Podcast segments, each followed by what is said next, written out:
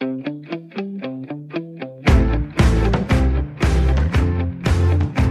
lytter til Fremkaldt med mig, Claus Elgaard. En af de helt store i sportsjournalistikken er gået på pension. Efter 52 år i branchen har Rasmus Bæk nemlig sagt farvel og tak. Rasmus Bæk har været sportsredaktør på Politiken, blandt meget andet. Rasmus Bæk har også været med til at sætte dagsordenen for sportsjournalistikken generelt. Her kan du høre ham fortælle om en lang karriere, nogle vilde og pudsige oplevelser, og hvordan sproget i sportsjournalistik efter hans mening ændrede sig efter Christian Eriksens kollaps i parken. Rasmus Bæk er nemlig gæst i Fremkaldt. Rasmus, hvad er det egentlig med dig og, og Ravn Hilvener, altså en af de allerstørste profiler i dansk idræt overhovedet?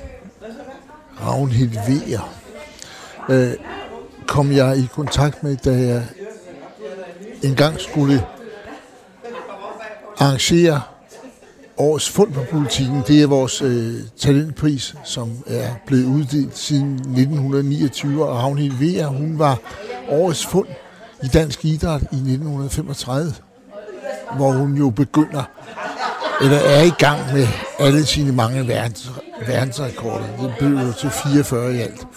Og øh, vi ville invitere hende ind på politikken for at være sådan en slags midtpunkt også, for at hedre nogle af de gamle. Det har, har vi en tradition for. Men øh, hun var ikke interesseret. Hun havde jo en, det vi kan kalde det, det lyder så meget bombastisk, men, men det er lidt af en sandhed, når vi siger, at hun havde en nazistisk fortid.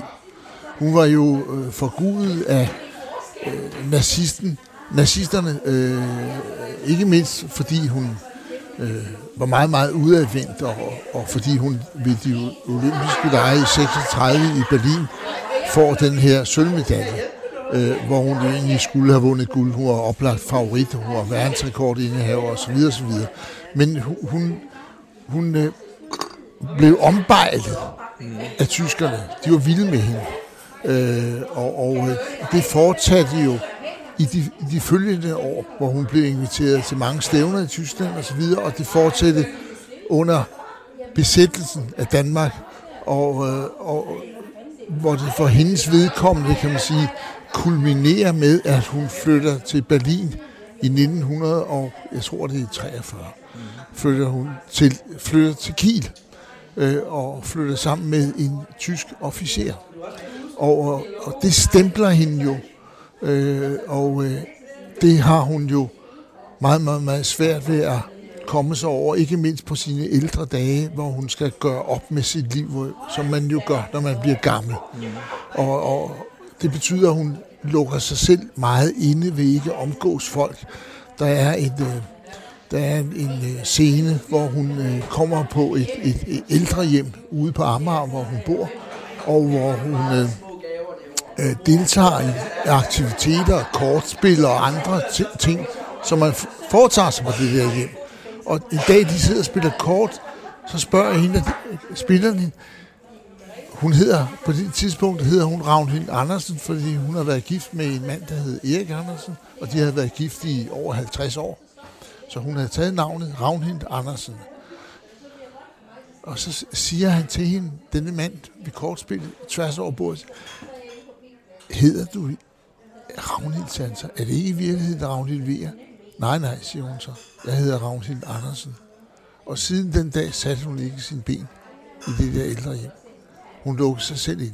Da jeg tager kontakt med hende og spørger, om hun vil komme øh, og deltage i det her arrangement på politikken, så siger hun øh, øh, med det samme nej tak. Det vil ribe op i alt for meget. Hun ønsker ikke at være med. Øh, øh, og øh, vi, har, vi, vi fører så en samtale, og så undervejs, øh, mod slutningen, så begynder hun pludselig at græde. Ja. Jeg siger til hende, hvad sker der? Så, hun, og så fortæller hun, at hun er ensom. Og hun sidder der i sin lejlighed ude på Amager og øh, har lukket alt ude og så videre. Hun ser ingen mennesker. Og jeg tilbyder så, at jeg kan ringe til hende en gang imellem. Så hun dog ikke føler sig helt så alene. Der er jo gået mange, mange år. Ikke? Krigen er for længst overstået. Mm. Og de ting, der fandt sted dengang, er forbi øh, og burde være tilgivet. Ja. Og øh, det siger hun ja tak til, og vi fortsætter så vores telefonsnakke. Sådan hver anden, tredje måned taler vi sammen i en tid. Mm. Og så på den måde kom jeg tæt på hende. Ja. Øh, hun ville aldrig mødes. Vi aftaler nogle gange, at jeg skal komme og hente hende og køre hende ned i et sommerhus, hun har på Stævns.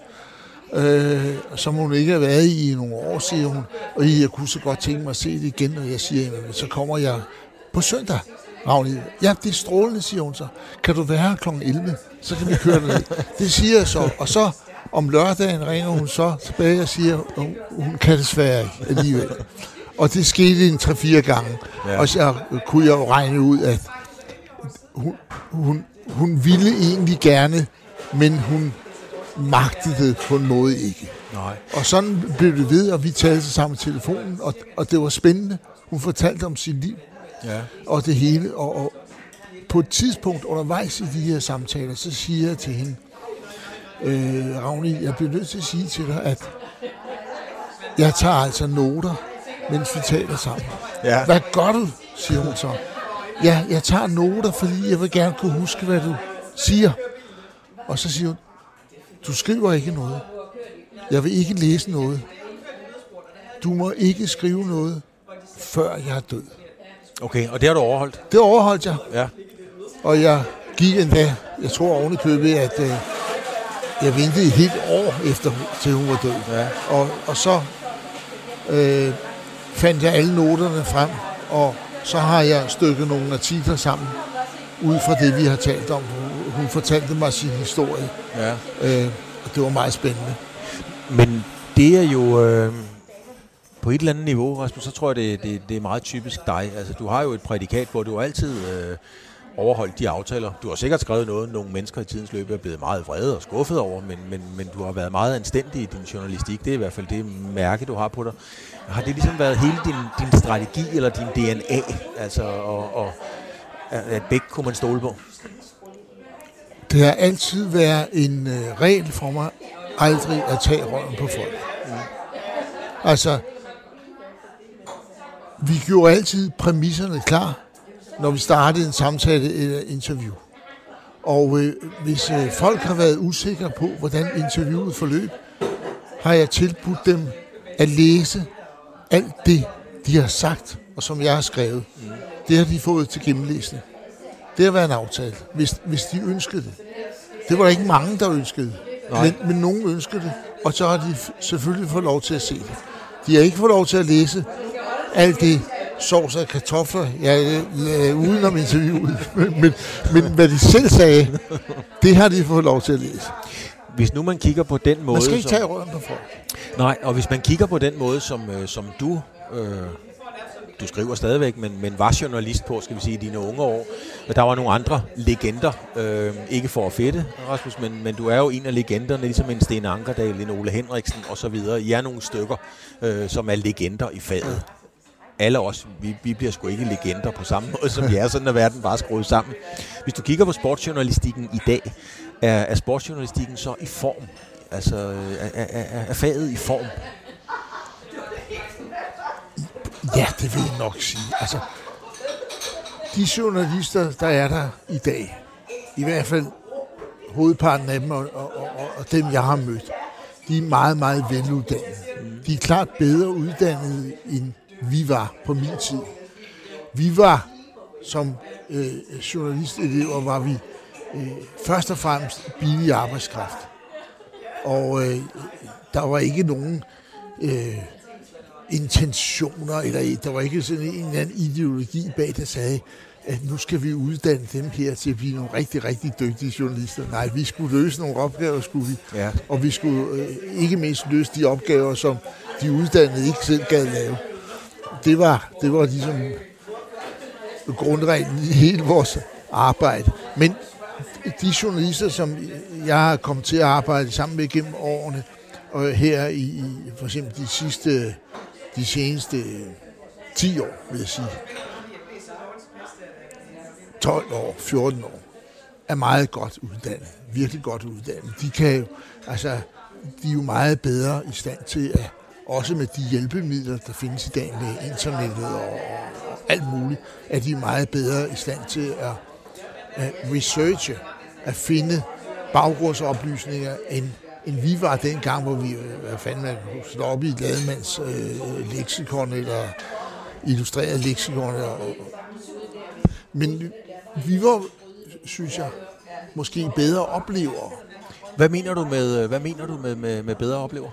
At vi ikke var øh, vi var ikke skrivebordsjournalister.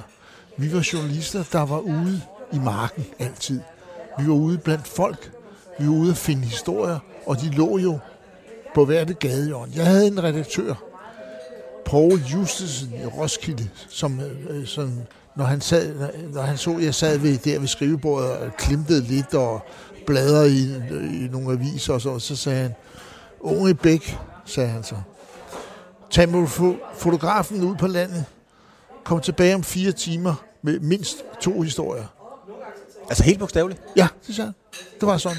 Okay. Så blev jeg smidt ned i fotografens bil, og så kørte vi ud på landet, og så kiggede vi os omkring. og så så vi øh, en mor lille, der gik i sin have, og så stoppede vi og spurgte hende om, hvordan hun havde boet der, og så videre. Eller vi øh, så et autoværksted, hvor der gik nogle folk og arbejdede. Ja. Eller vi så en, en, en fabrik, som vi ikke kendte, en, en, øh, for eksempel en, en, en havelågfabrik eller sådan noget. Et eller andet, ja. Et eller andet. Altså, alle folk har jo en historie. Ja. Alle folk har en historie. Nogle, har, nogle historier er ikke så spændende, men andre er spændende. Interesserer det dig? Altså, ja, fordi, det at, interesserer mig. Hvorfor? Altså, fordi jeg mener... Jamen, folks, folk, at folks historie er spændende. Altså, selv i dag har jeg det sådan. Jeg elsker at se en, en, en tv-udsendelse. Det kan være med en, en skobar. Mm. Hvis manden han kan sin métier, hvis han har noget at fortælle ja. om det fag, Ja. Den, den, den passion, han har for det, han har lavet hele sit liv. Jeg synes, det er fantastisk. Jeg elsker det. Mm. Og, og, og sådan nogle mennesker er jo pragtfulde at møde, når man møder dem. Folk, der kan noget. Ja. Og som kan fortælle om, hvad de kan. Men hvis vi tager de unge i dag, som du siger, og de er delen dyt med dygtige, øh, rent teknisk til alt muligt, og ja. der er også mange dygtige journalister imellem, det er slet ikke det, men, men, men er det, når de ikke er så dygtige til at, gode til at opleve, er det så fordi, de ikke lader sig begejstre? Er det fordi, at, øh, at de ikke rigtig øh, ser historien ved havelån, eller hvad er det? Jeg ved det sgu ikke. Altså, øh, måske er mange mennesker, jo, og det bliver jo, det tror jeg bliver, altså nu er jeg gammel, man er blevet gammel, så bliver man mere konservativ, man bliver, på, alle fordommene bliver pusset af, og de står på spring til, til at komme frem i forreste række, og, og, øh, og, og det er jo lidt kedeligt, og er sørgeligt, men jeg kan godt forestille mig, at, at mange mennesker i dag, de, de har jo rigeligt i de oplevelser, de får hjemme i stuen, for at få deres skærme, righoldige skærme, mange skærme, og, og det er selvfølgelig ikke helt rigtigt, men alligevel. Vi andre, vi, vi havde jo ikke det der. Oplevelserne lå jo uden for hjemmet på en måde. Ikke? Og nu tænker jeg ikke på fester på lade, men at møde mennesker, at tale med mennesker. Jeg synes altså, jeg synes, det har været spændende for mig. Jeg har jo, som journalist, jeg er jo blevet kustet rundt i verden. Jeg har været alle steder. Jeg har mødt alle mennesker. Jeg har jo sidde ude i den grønlandske udørk og, og mødte forfarmer og, og, og bjørnejæger ja. og sådan noget. Altså, det er helt fantastisk, hvad jeg har mødt af mennesker i Grønland, som havde specielle historier at fortælle. Ikke? Ja, lige inden vi startede, der, der kaldte du dig selv uh, politikens mest forkælede journalist. Ja, det tror jeg. Ja. Altså, det, det lyder ikke så pænt at sige Men altså... Jo, du har været jo ikke, når man får lov til det, når man nej, gør sig fortjent til. så skal man... Ja, ja. Jo, jo. Jo, jo. Det, det hører, Lad os bare sige til, det. det hører med til historien. Det hører med til historien, okay. Men, men politikken har aldrig sagt nej til noget, jeg har ønsket. Nej. Hvis jeg har ønsket at lave det eller det, så har de sagt, der kan godt være en vis tøven måske enkelte gang, men det er altid endt med et ja. ja. Og så er jeg blevet sendt til sted, og så har jeg leveret varen. Mm. Øh, og så har jeg oplevet noget, og så har jeg skrevet om de oplevelser og de har været store. Men når man, øh, når man kigger på, på din, dem, jeg nævnte før, øh, ingen nævnt, ingen glemt, men altså en Ankerdal, øh, dig, Ole Henriksen, og hvad det nu hedder, som, som vi kender fra den gamle garde, som var ja. super stærke sproglige. Synes du, øh, synes du, at standen i dag er i sproglig form? Nej, det, der, der må jeg nok sige, at der, der, der er ikke så imponeret. Nej. Nej, der er ikke. Det, Hvor, hvorfor? nej, jeg føler ikke, at man, at man tager sproget alvorligt. Jeg synes ikke, at man øh, arbejder med at være rig i sit sprog. Mm. Der er alt for meget øh, øh, jul og, og, sådan øh, begejstring. Altså ordet mega og kolossal og, og, øh, og fantastisk. Det går igen hele tiden. Det er alting, alting er historisk, alting er fantastisk, alting er, er stort og, Og der er også mange, der bliver udnævnt til at være legender. Jamen, er du rigtig klog? Det er, jo- det, det er ugens legende. Der, der, der er jo ikke langt imellem det. Nej, Nej, vel? Og alle begivenheder, alle sejre er historiske, og alle mål er historiske, og jeg, jeg ved det, altså, der bliver råbt og skrejet. Der er ikke meget sprog, sprogrigdom. Men hvordan, hvordan Rasmus, hvordan, øh, hvordan, man vågner ikke op en tirsdag morgen og er blevet dygtigere til sproget. Man vågner heller ikke op øh, tirsdag morgen, og så kan Flemming Del slå en baghånd. Øhm, hvordan arbejdede du med sproget? Hvordan arbejdede du med at komme i sproglig form? Det skal jeg fortælle dig. Jeg har læst meget. Altså ja. siden jeg var barn har jeg læst og læst og læst. Altså, det er ikke pral det her, men, men, men i mine forældres øh, reoler, der, øh, øh, og de var ikke store, det var de ikke, men af øh, urensagelige grunde, så havde de øh, mange klassi, klassikere stående, Ja. og dem læste jeg som dreng. ja. Øh, Hvad var det for eksempel? det var øh, de tre musketerer af, Ja. af Alexander Dumas. Ja. Det var det, og det var øh, Grevene Monte Cristo og, ja. og så. Det var tykke, læderindbundne bøger, nærmest med gosisk øh, skrift. Ja. Øh, og øh, dem tyrer jeg igennem som, som, som 12-årig. Ja. Øh, sad jeg inde på mit værelse sammen med øh, 10 skiver sigtebrød med, med, med syltetøj og en kanté, der blev sødet med sukker, så man tror, det er løgn. Og så øh, efter en gang fodboldtræning, ikke? og så sad man der, og så læste jeg i dem der, og læste, og læste dem alle sammen. Øh, Lagde du mærke til vendinger? Tog du i, Ja, sådan det, det mentale gjorde man, notater? men, men øh, øh, det gjorde i hvert fald, synes jeg hvis jeg må have lov til at sige det, synes jeg, at mit, mit, sp- mit sprog blev bredt af det. Jeg, fik, jeg, jeg lærte mange udtryk. ja. Jeg lærte mange ting. Men finurligheden i sproget, det kom senere, da jeg begyndte at læse. Der- er ikke mange, der læser det. Men en engelsk forfatter, der hed P.G. Woodhouse, ja, som er en meget, meget, meget stor humorist. det må man sige. Og altså. nogle af hans ting, er, er, eller mange af hans ting, er blevet filmatiseret og lavet til tv-serier, som også har været vist i dansk tv. Han var, han var den blomstrende sprogmester, mm-hmm. som var yderst på den ene skala, over på den anden skala. Der lærte jeg enkelt, sprogets enkelthed. Enkelhed virkemidlernes enkelhed ved at læse Finn Søborg. Ja. Finn Søborg kunne jo fortælle med ganske få ord mange store ting, Ja. synes jeg. Ja. Og jeg læser stadig Finn Søborg med begejstring. Der går over nogle år imellem, så tager jeg nogle af dem frem, og så læser jeg dem igen. Ligeså vel som Woodhouse øh, tager jeg frem med det, jeg vil kalde jævne mellemrum. Jeg læser mange bøger. Jeg læser, jeg læser en, en bog om ugen. Og det er, jeg læser meget historiske bøger. Jeg læser mange bøger fra 2. verdenskrig. Jeg læser mange øh, politiske bøger. Jeg læser biografier.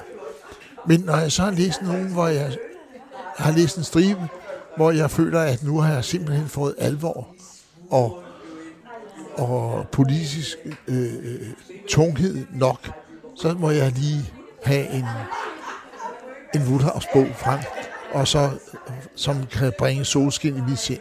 Du får jo, øh, er det sprognævnets pris, du får i 18. Ja, Øh, en meget, meget flot pris i øvrigt, det må ja, man sige. ja jeg er Øhm, også stolt af den. Ja, det kan jeg dele en dyt med godt og jeg forstå. havde ønsket, tænk hvis min skolelærer havde, havde, altså, havde, havde, oplevet, havde oplevet det.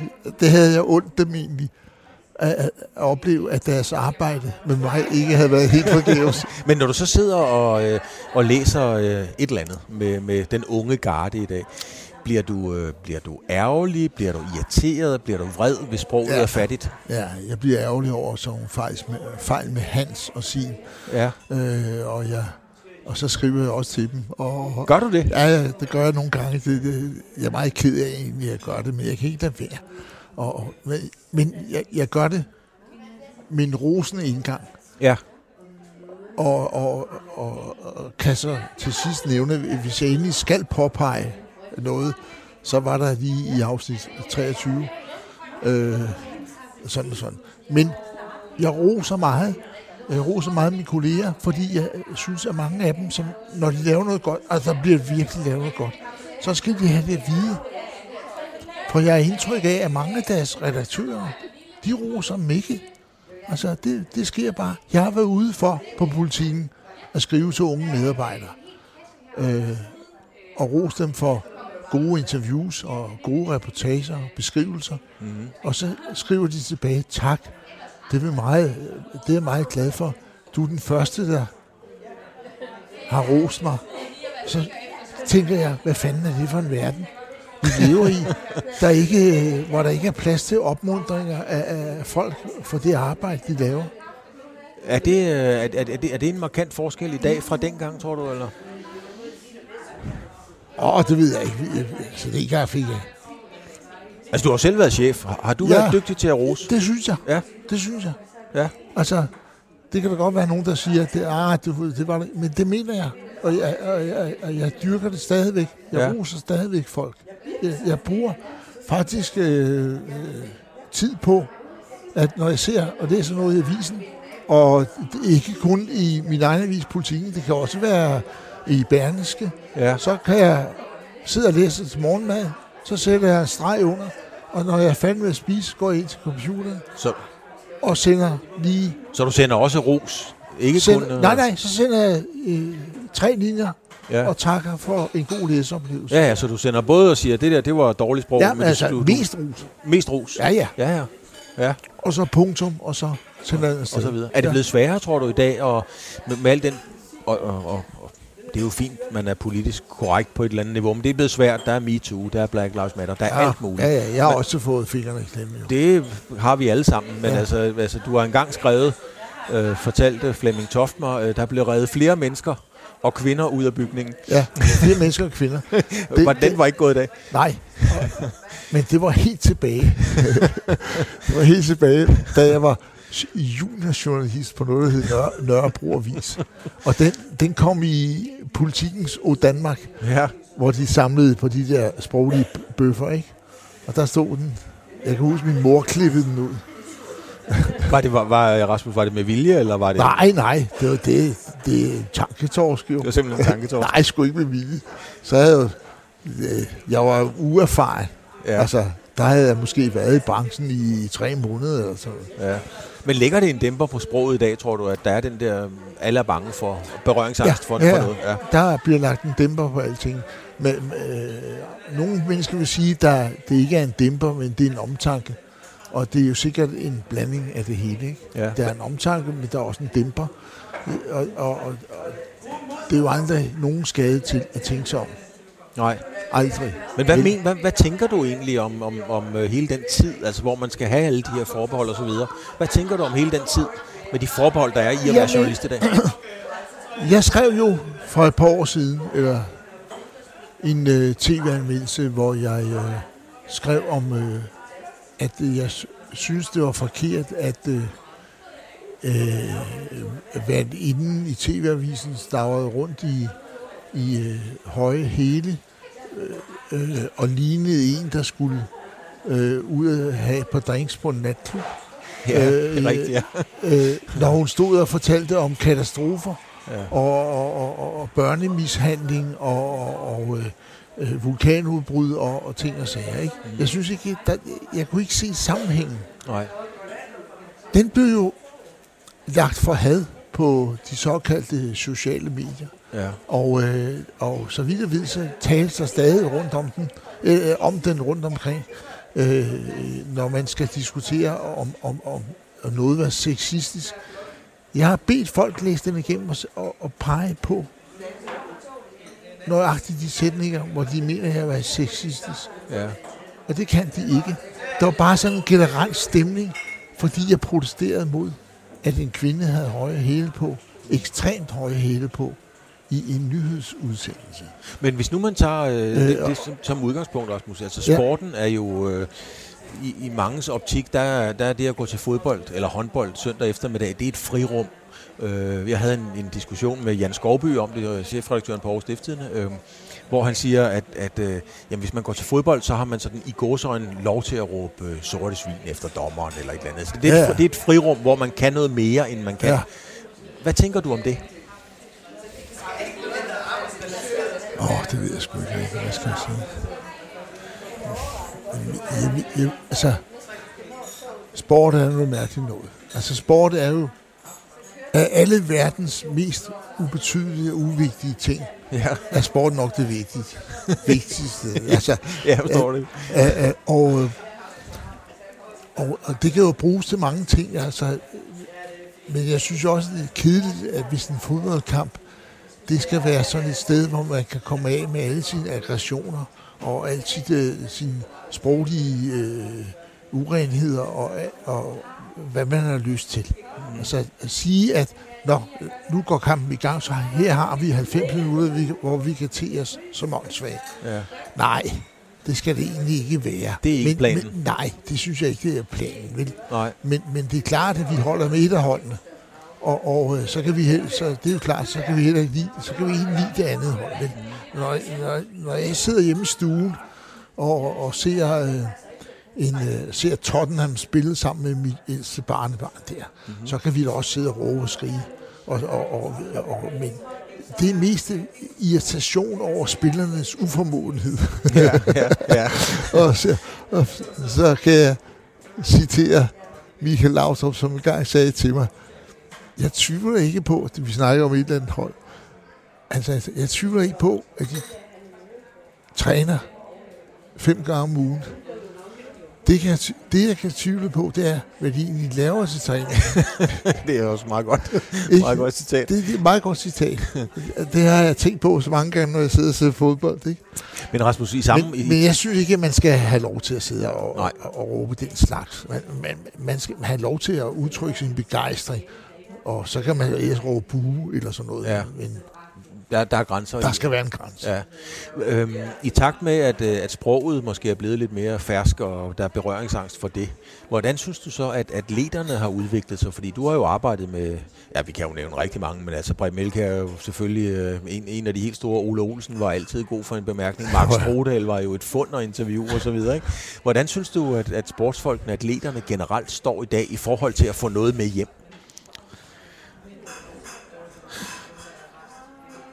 Jeg synes, at vi har oplevet to bølger inden for faktisk få år. Der var jo, altså helt, helt hvis vi går tilbage til, du nævnte, mm. nævner du selv nogle spillere fra 80'erne, som var markante personligheder, og som, som gerne gav noget af sig selv. Ja. Ikke? Altså Elkær var sådan en. Der var flere andre. Masser. Smeichel også. Alt, 100, altså. ja. De gav noget af sig selv. Øhm, så kom der en periode, hvor, hvor, hvor øh, man kan sige, professionalismen blev meget, meget mere alvorlig, og pengene blev meget, meget større. Mm. Og så skete der det, at så kom der meget mere kontrol på os, og, og spillerne forvandlede sig til øh, talende attaché-tasker, attaché-mapper. Mm. De blev sådan nogle personer, der kun sagde, det vil sige selvfølgeligheder og ligegyldigheder, og som talte i, i, i uh, næsten i politiske vendinger, som ikke var meget for at give deres meninger til kende, mm. som udtryk, og som ikke øh, ach, øh, tale om følelser, det er jo også et stort begreb, men, men ikke gav meget personlighed. Nej. Så synes jeg, jeg har oplevet her i de senere jeg vil sige tre år måske. Men det tyder de alle sammen. Er begyndt at udvikle sig mere. Ja. Der er kommet flere ord på. Ja, ja. Også der er kommet flere menneskeord på. Mm. Og der, der, der er ligesom kommet en ny bølge. Ja. Øh, og øh, det egentlig skal jeg passe på, hvad jeg siger nu. Øh, Men, og der- vi, vi kan ikke trække en streg der, men Eriksen-episoden i parken Ja. forandrede også sproget. Det skal du simpelthen uddybe, Rasmus. Det gav en frigjorthed på den måde, at spillerne skulle pludselig udtrykke sig om noget, der havde kæmpe betydning for dem. Ja. Og det vil sige, at der kunne de ikke længere bruge kedelige, passive ord. De blev nødt til at udtrykke noget, der var stærkere, end de hidtil havde brugt. Og derfor kom de til at sige noget meget, ja, meget mere følelsesladet og meget mere personlige ting, der Ja. kom frem her. Ja. Og, og det, har, det, har, det har givet et nyt sprog til fodbold. Det er en uh, interessant betragtning. Øh, man, er blevet, man er blevet, synes jeg, lidt dristigere i, i, i sit sprog. Ikke? Ja. Og det er ligesom, om det har smittet af på, når de så også skulle fortælle om deres tilgang til en kamp, deres tilgang til træning, deres tilgang til den alvorlige udsigt til næste store slutrunde eller sådan noget. Ikke? Det er bare en fornemmelse, jeg har. Altså, jeg synes, jeg kunne høre, at det, det blev anderledes. Ellers så har, jeg vil sige, der, at jo penge har altid spillet en, en, en rolle for, hvordan folk også udtrykte sig. Mm. Ikke? Det er som om, at, at, at profe- professionelle fodboldspillere har skulle beskytte deres profession.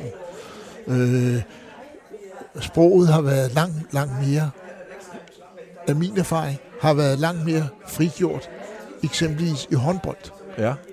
og i cykelsport. Ja. Det kan jeg godt følge. Meget nemt. Der har været, det er, der er mere Søren Bramfri over de, de der gutter. De taler lige ud af posen, ikke? Jo, altså man kan sige, at dem, der har kørt på brosten på Amager, de, de taler lige ud af posen. De taler lige ud af Og dem, der kaster med bolden, Og- de har gået i skole. Ja, ja, ja. ja. Førhen, Førhen, ja. førhen.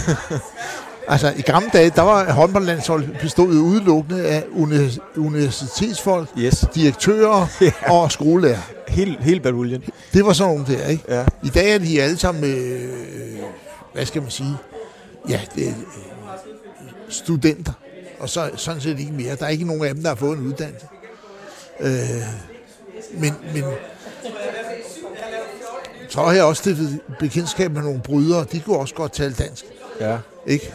Og så, cykelrytteren så sagt, Brian Holm, han er helt forrygende.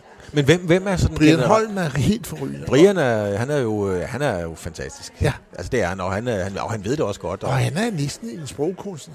ja, jamen, han går, altså, han er jo, øh, han er jo, han er jo et stilikon, altså han Ja. går op i det. Det skal du ikke Ja. tage fejl af, det, ja, det ved du godt jo. Ja, men, ja, altså, han er men, helt vidunderlig. men Rasmus, hvem sådan generelt igennem de mange år, er der, er der sådan en, en sportsgruppe, hedder det vel, hos os ville der hedde en faggruppe, som, hvor man ved, at når man dykker ned i, i den sportsgren, så er der altid nogle sjove interview. Det, det var der i håndbold. Det var der i håndbold, ja. Ja, det var der. Der var der. De, de, øh, de, øh, de var altid parate. Altså, de, de var klar, de vidste, hvad der ventede. Anders Sikkert, han sagde engang til mig, da vi efter... Nå, sagde han, da nærmest sig. Mangler du en overskrift? sagde. Hvad skal vi snakke om? Hvor meget kul skal der på? Altså, han var klar, han var klar til, at, til at levere varerne. Det var selvfølgelig for, for sjov, men øh, omvendt var det også sådan, at han vidste, at med nogle af os journalister, der skulle der leveres lidt mere, end at det var en svær kamp, og øh, vi, men vi, gjorde, vi gjorde vores bedste. Så, så var han godt klar over, at, her skulle vi her skulle vi et spadestik dybere, eller to dybere, og vi skulle finde nogle andre ord frem for at beskrive, hvad han havde oplevet, eller forventede at skulle opleve. Ikke? Når, når, når vi sidder og taler om det på den her måde, med de ændringer, der har været osv., Rasmus, vil, vil du øh, egentlig gøre det forfra igen, hvis du vidste, at du trådte ind i den her journalistverden på de vilkår, det nu er i dag? Vil du så give? Egentlig. Ja, hvis jeg var nogenlunde sikker på, at jeg kom til at møde folk som, øh, som Brian Holm, og hvis jeg kunne møde Erik Veje, mm. og øh, Laudrup, og, og Bolsen, og ja. Kasper Witt, og, og, og Marco Madsen, og, Ja. og, og så nogle folk der. Ikke? Altså, jeg kunne nævne 100. Ja, ja, du har mødt Ikke? dem alle sammen. Men, men, men hvis jeg vidste, at jeg kunne komme til at møde dem, så ville jeg nok gøre det igen. Ikke? Men, men jeg tror nok, at Jo, jeg ville også godt lave sport igen. Altså, i, i de første syv år af mit øh, journalistliv, der havde jeg intet med sport at gøre. Og så, så valgte jeg så at, at søge ind som, som øh, på sportsredaktion på politikken, fordi sport havde været en stor, stor, del af mit liv. Ja. Altså altid omklædt til korte bukser og parat ja. til boldspil eller en kaproning eller et eller andet. Ikke? Og, og så nu vil jeg prøve at arbejde med det som journalist. Og det vil jeg nok også gøre igen, fordi det, det, det, er da sjovt at arbejde med noget, man er begejstret for. Omvendt, så har jeg på mine rejser rundt omkring i verden, ikke mindst øh, mine rejser med øh, den, den, den danske flåde, øh, indset og oplevet, at der er jo også andre grene af journalistikken, der er hammerspændende. Ja, der er en verden udenfor. Der er en, ver- der er en verden udenfor det, det olympiske stadion. Er, er, det, er det øh, en general, fordi det står faktisk på, på, på min computer her, det vil jeg spørge dig om. Øhm, er det en, en, skal vi sige, en, en mangelvare i sportsjournalistikken, at der rent faktisk er en verden udenfor, der måske er lidt større? Ja, og, og jeg kunne jo godt øh, unde af mange sportsjournalister øh, øh, to et år eller to på et andet fagområde. Ja. Og, øh, og lærte lidt om, om, om de mennesker der, og også lærte øh, noget om, om altså sporten har sit, sit sprog, øh, den politiske, politiske redaktion har sit sprog, selvom det ofte tangerer det, der foregår på sporten. Mm. Øh, og, og sådan er det, og økonomiske redaktioner har sit sprog. Ikke? Og det er ikke så tosset at lære andre sprog, end det, der, det man øh, færdig til daglig. Det, det gør i hvert fald, at man bliver rigere i sin egen sprogformidling. Mm. Men i hele taget, så skal man arbejde meget mere med sprog. For, altså hør her, hvis man skal være avislæser eller radiolytter eller sådan noget, så skal man altså have noget ordentligt at lytte på, og noget ordentligt at læse. Og, og, og det er fandme en forpligtelse for en journalist, eller øh, jo, for en journalist, at, at, at sørge for, at læserne får noget at opleve. Mm. Altså, jeg har altid sagt noget til, til folk, når, når de... Øh, når vi sendte en mand til, øh, til øh, Italien eller Spanien eller England for at se noget og, og lave en reportage, så skal vi altså ikke have en fornemmelse af, at han sidder i vandløse. Altså, han, han, så skal han være i Italien. Så skal han være i Italien, og ja. han skal evne i hvert fald forsøge på at bringe læseren med derned. Mm. Læseren skal også have en fornemmelse af, at han er med i Spanien. At han sidder på det der stadion. At han kan mærke suset. Ikke? Øh, må være et krav. Men, men, men Rasmus, jeg, tænker, jeg kommer til at tænke på her, at det er jo tydeligt, at du har en interesse i andre mennesker. Historien, øh, når du blev sendt på landet af din gamle redaktør, og så stod der en ved en havelå eller, ja. eller et autoværksted, det kan man jo kun levere på, hvis man rent faktisk interesserer sig for andre mennesker. Ja. Tror du, ungdommen i dag interesserer sig egentlig for andre mennesker? Det var da håbe. Altså, Jamen, en ting er at håbe ja. Åh, oh, det gør, gør vi ikke det generelt interesserer vi os i andre mennesker. Jo, bare lad os sige vi. Skal vi? Det gør vi vel. Altså, jeg mener, når, når vi, vi, vi sidder her, os to nu på en café, ikke? Ja. og der sidder mennesker omkring os, og de snakker sammen. Ja. De må da interessere sig lidt for det, de taler med. Men, men det er jo voksne mennesker ligesom os. Ja. Tror, du, tror du, de unge mennesker interesserer sig nok for andres ved og vel til at blive dygtige journalister? Der kan jeg selvfølgelig være lidt bekymret. Men, men øh, ja, Altså, jeg har et par børnebørn her i Aarhus, hvor vi sidder og snakker, og de er, de er skatere. Mm. Og de tager, kommer hjem fra skole, så pakker de deres ting ud og kysser mor, kysser mor goddag og sådan noget, og så pakker de deres hjelme og deres knæbeskytter, og så drager de afsted ud, ud, i, ud i Aarhus og står på skate.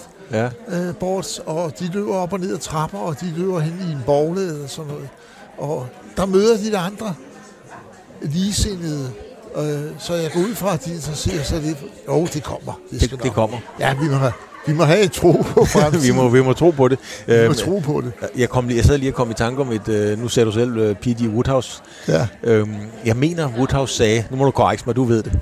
I, øhm, jeg blev ringet op af kærlighedens stemme, Men det var forkert nummer. ja, ja. Det er sådan nogle, det, det, det er sådan nogle ting. Han, han kunne jo sådan noget der. Lige præcis. Er du sindssygt, han havde så mange. Altså, Fantastisk. han, han, han gik også en gang ind på en bar, for der bad han også om en, en, en drink, og den skulle være så stærk, at den kunne få en kanin til at angribe en bulldog. Ja. Er det, det, er, det, er, det er sådan noget, det er, det er sødt. Når Ja. man, øh, når man øh, som dig, du har talt med Tour de France vindere, du har talt med verdensmestre i boksning, du har talt med verdensmestre, du har talt med dem alle sammen. Ja. Sådan er det. Derfor overraskede det mig helt vildt, inden vi startede, at du sagde, at professionel sport burde afvikles, fordi det ødelægger hele skidtet. Det, der blev jeg godt nok rystet lige et øjeblik. at det burde ikke afvikles. Det burde, det burde aldrig have været indført. Nej, lige præcis. Hvad mener du med det? Jeg mener, at, at sport er noget, vi dyrker for glædens skyld, Ja. og for sjov skyld, og for kampens skyld, og for motionens skyld. En af de spørgsmål, jeg ved godt, nogle af mine kolleger, de griner af mig, og, og det har de gjort nogle gange, når jeg har sagt, at en af de største sportsoplevelser, jeg har haft, den fandt sted for 30 år siden, hvor jeg havde været nede i det lokale supermarked og købe ind, Ja. og så på vejen hjem, det var sådan øh, lidt øh, sommerregn, støvregn, mm. lad os kalde det støvregn. På vejen hjem, så tænkte jeg, at nu kører du skulle lige forbi gymnasiet og se, om der sker noget ude på banerne. Ja. Og så kørte jeg forbi, og ude på banen, en af boldbanerne, der var en lærer i gang med at instruere sådan en 10-11 drenge, 12 drenge i rugby. De havde ikke spillet rugby før, Nej. og han skulle lære dem det. Jeg fandt et træ og stillede mig indenunder, så jeg ikke blev våd. Stillede cyklen fra mig, og så fulgte jeg hele den der time. Ja. Og de gik til den i det der regnvejr. De gik til den med fynd og klem. De investerede kræfter, glæde, arbejdsvilje, som jeg ikke havde set før. Mm. Det var en times energiudladning i rugby, som de ikke havde meget forstand på, men som de tydeligvis nød at spille. Ja. Og jeg nød at se på det. Det var en kæmpe oplevelse. Jeg kan huske, jeg kørte syngende hjem. Jeg havde fået en oplevelse for ugen. Og det skulle senere vise sig, at den havde egentlig været for livet. For jeg glemmer det aldrig. Men hvad, hvad lærte du af det? Hvad lærte Jeg du lærte dag? af det, at det her var sport, når det var bedst. Det var simpelthen sporten, sportens sjæl samlet på en lille bane i en time blandt 12 gutter. Det var hele sportens sjæl, der var der. Men man tog, og man gav, mm. og man morede sig, og man kæmpede. Det var, det var altså det kan jeg huske, det berigede mig sådan, jeg sagde, det her, det er sport. Lad sport være sådan. Ikke? Og jeg- jeg har set det senere med, med andre unge mennesker, men det har også været i, det har jo selvfølgelig også været konkurrencesport. Og jeg tænkte, nej, lad dem ikke, de, de skal ikke ende med at få penge for det. De skal ikke ende med at være misbrugere af forskellige forstærkende øh, øh kemiske produkter, som frister dem, fordi de så kan tjene nogle flere penge, opnå noget mere heder. Øh, lad dem ikke blive fordærvet af penge og hvad, og hvad det fører med sig. Men som jeg også sagde til dig, så samtidig så må jeg jo sige, at professionel sport giver jo nogle udviklingsmuligheder og øh, giver en skærpet konkurrence og dygtiggør atleterne i en grad, som de jo ikke kan som amatører.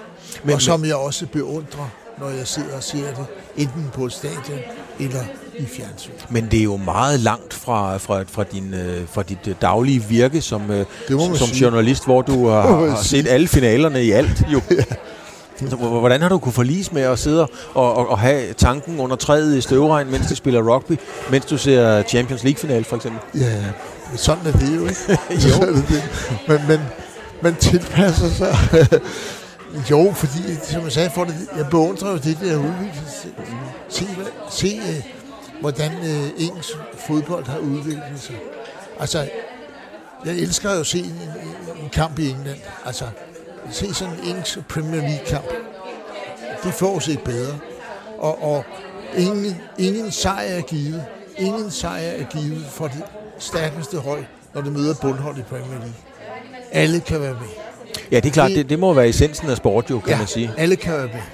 Hvad, når, du, når du tænker på, på, på, på din Og sport- heldigvis. Og heldigvis. Og heldigvis forhindrede selv de stærkeste, eller hovedparten af de stærkeste klubber i Europa, forhindrede, at vi fik den der udprægede købmandsliga, Ja. som de havde til hensigt at skaffe og etablere de stærkeste klubber, de rigeste klubber. Den, den er du glad for ikke blev til noget. det må, må aldrig blive til noget.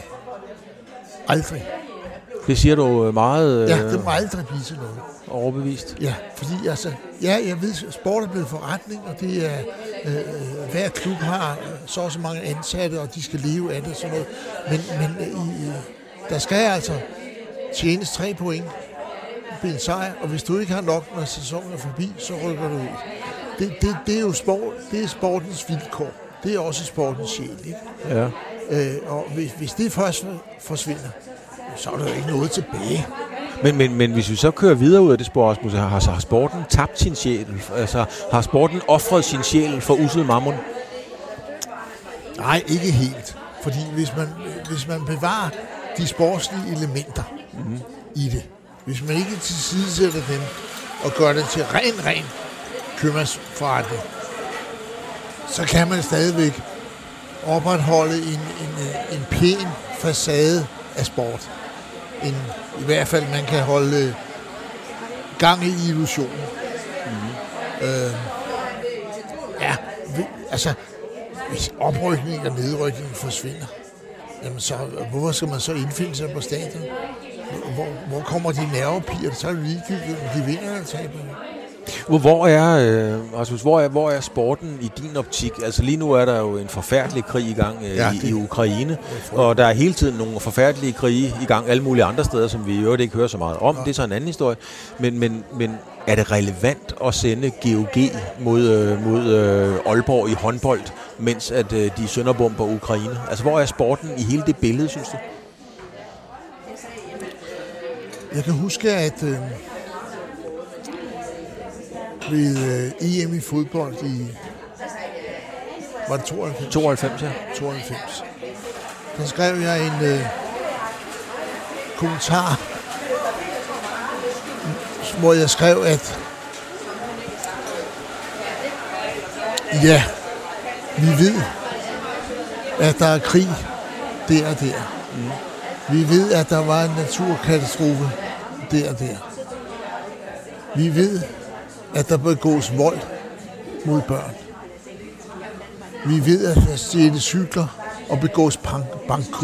Mm. At der er fattigdom og elendighed, oversvømmelser og alt muligt.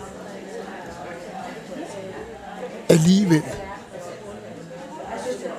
ser vi fodbold. Alligevel samles vi på stadion, og alligevel begejstres vi.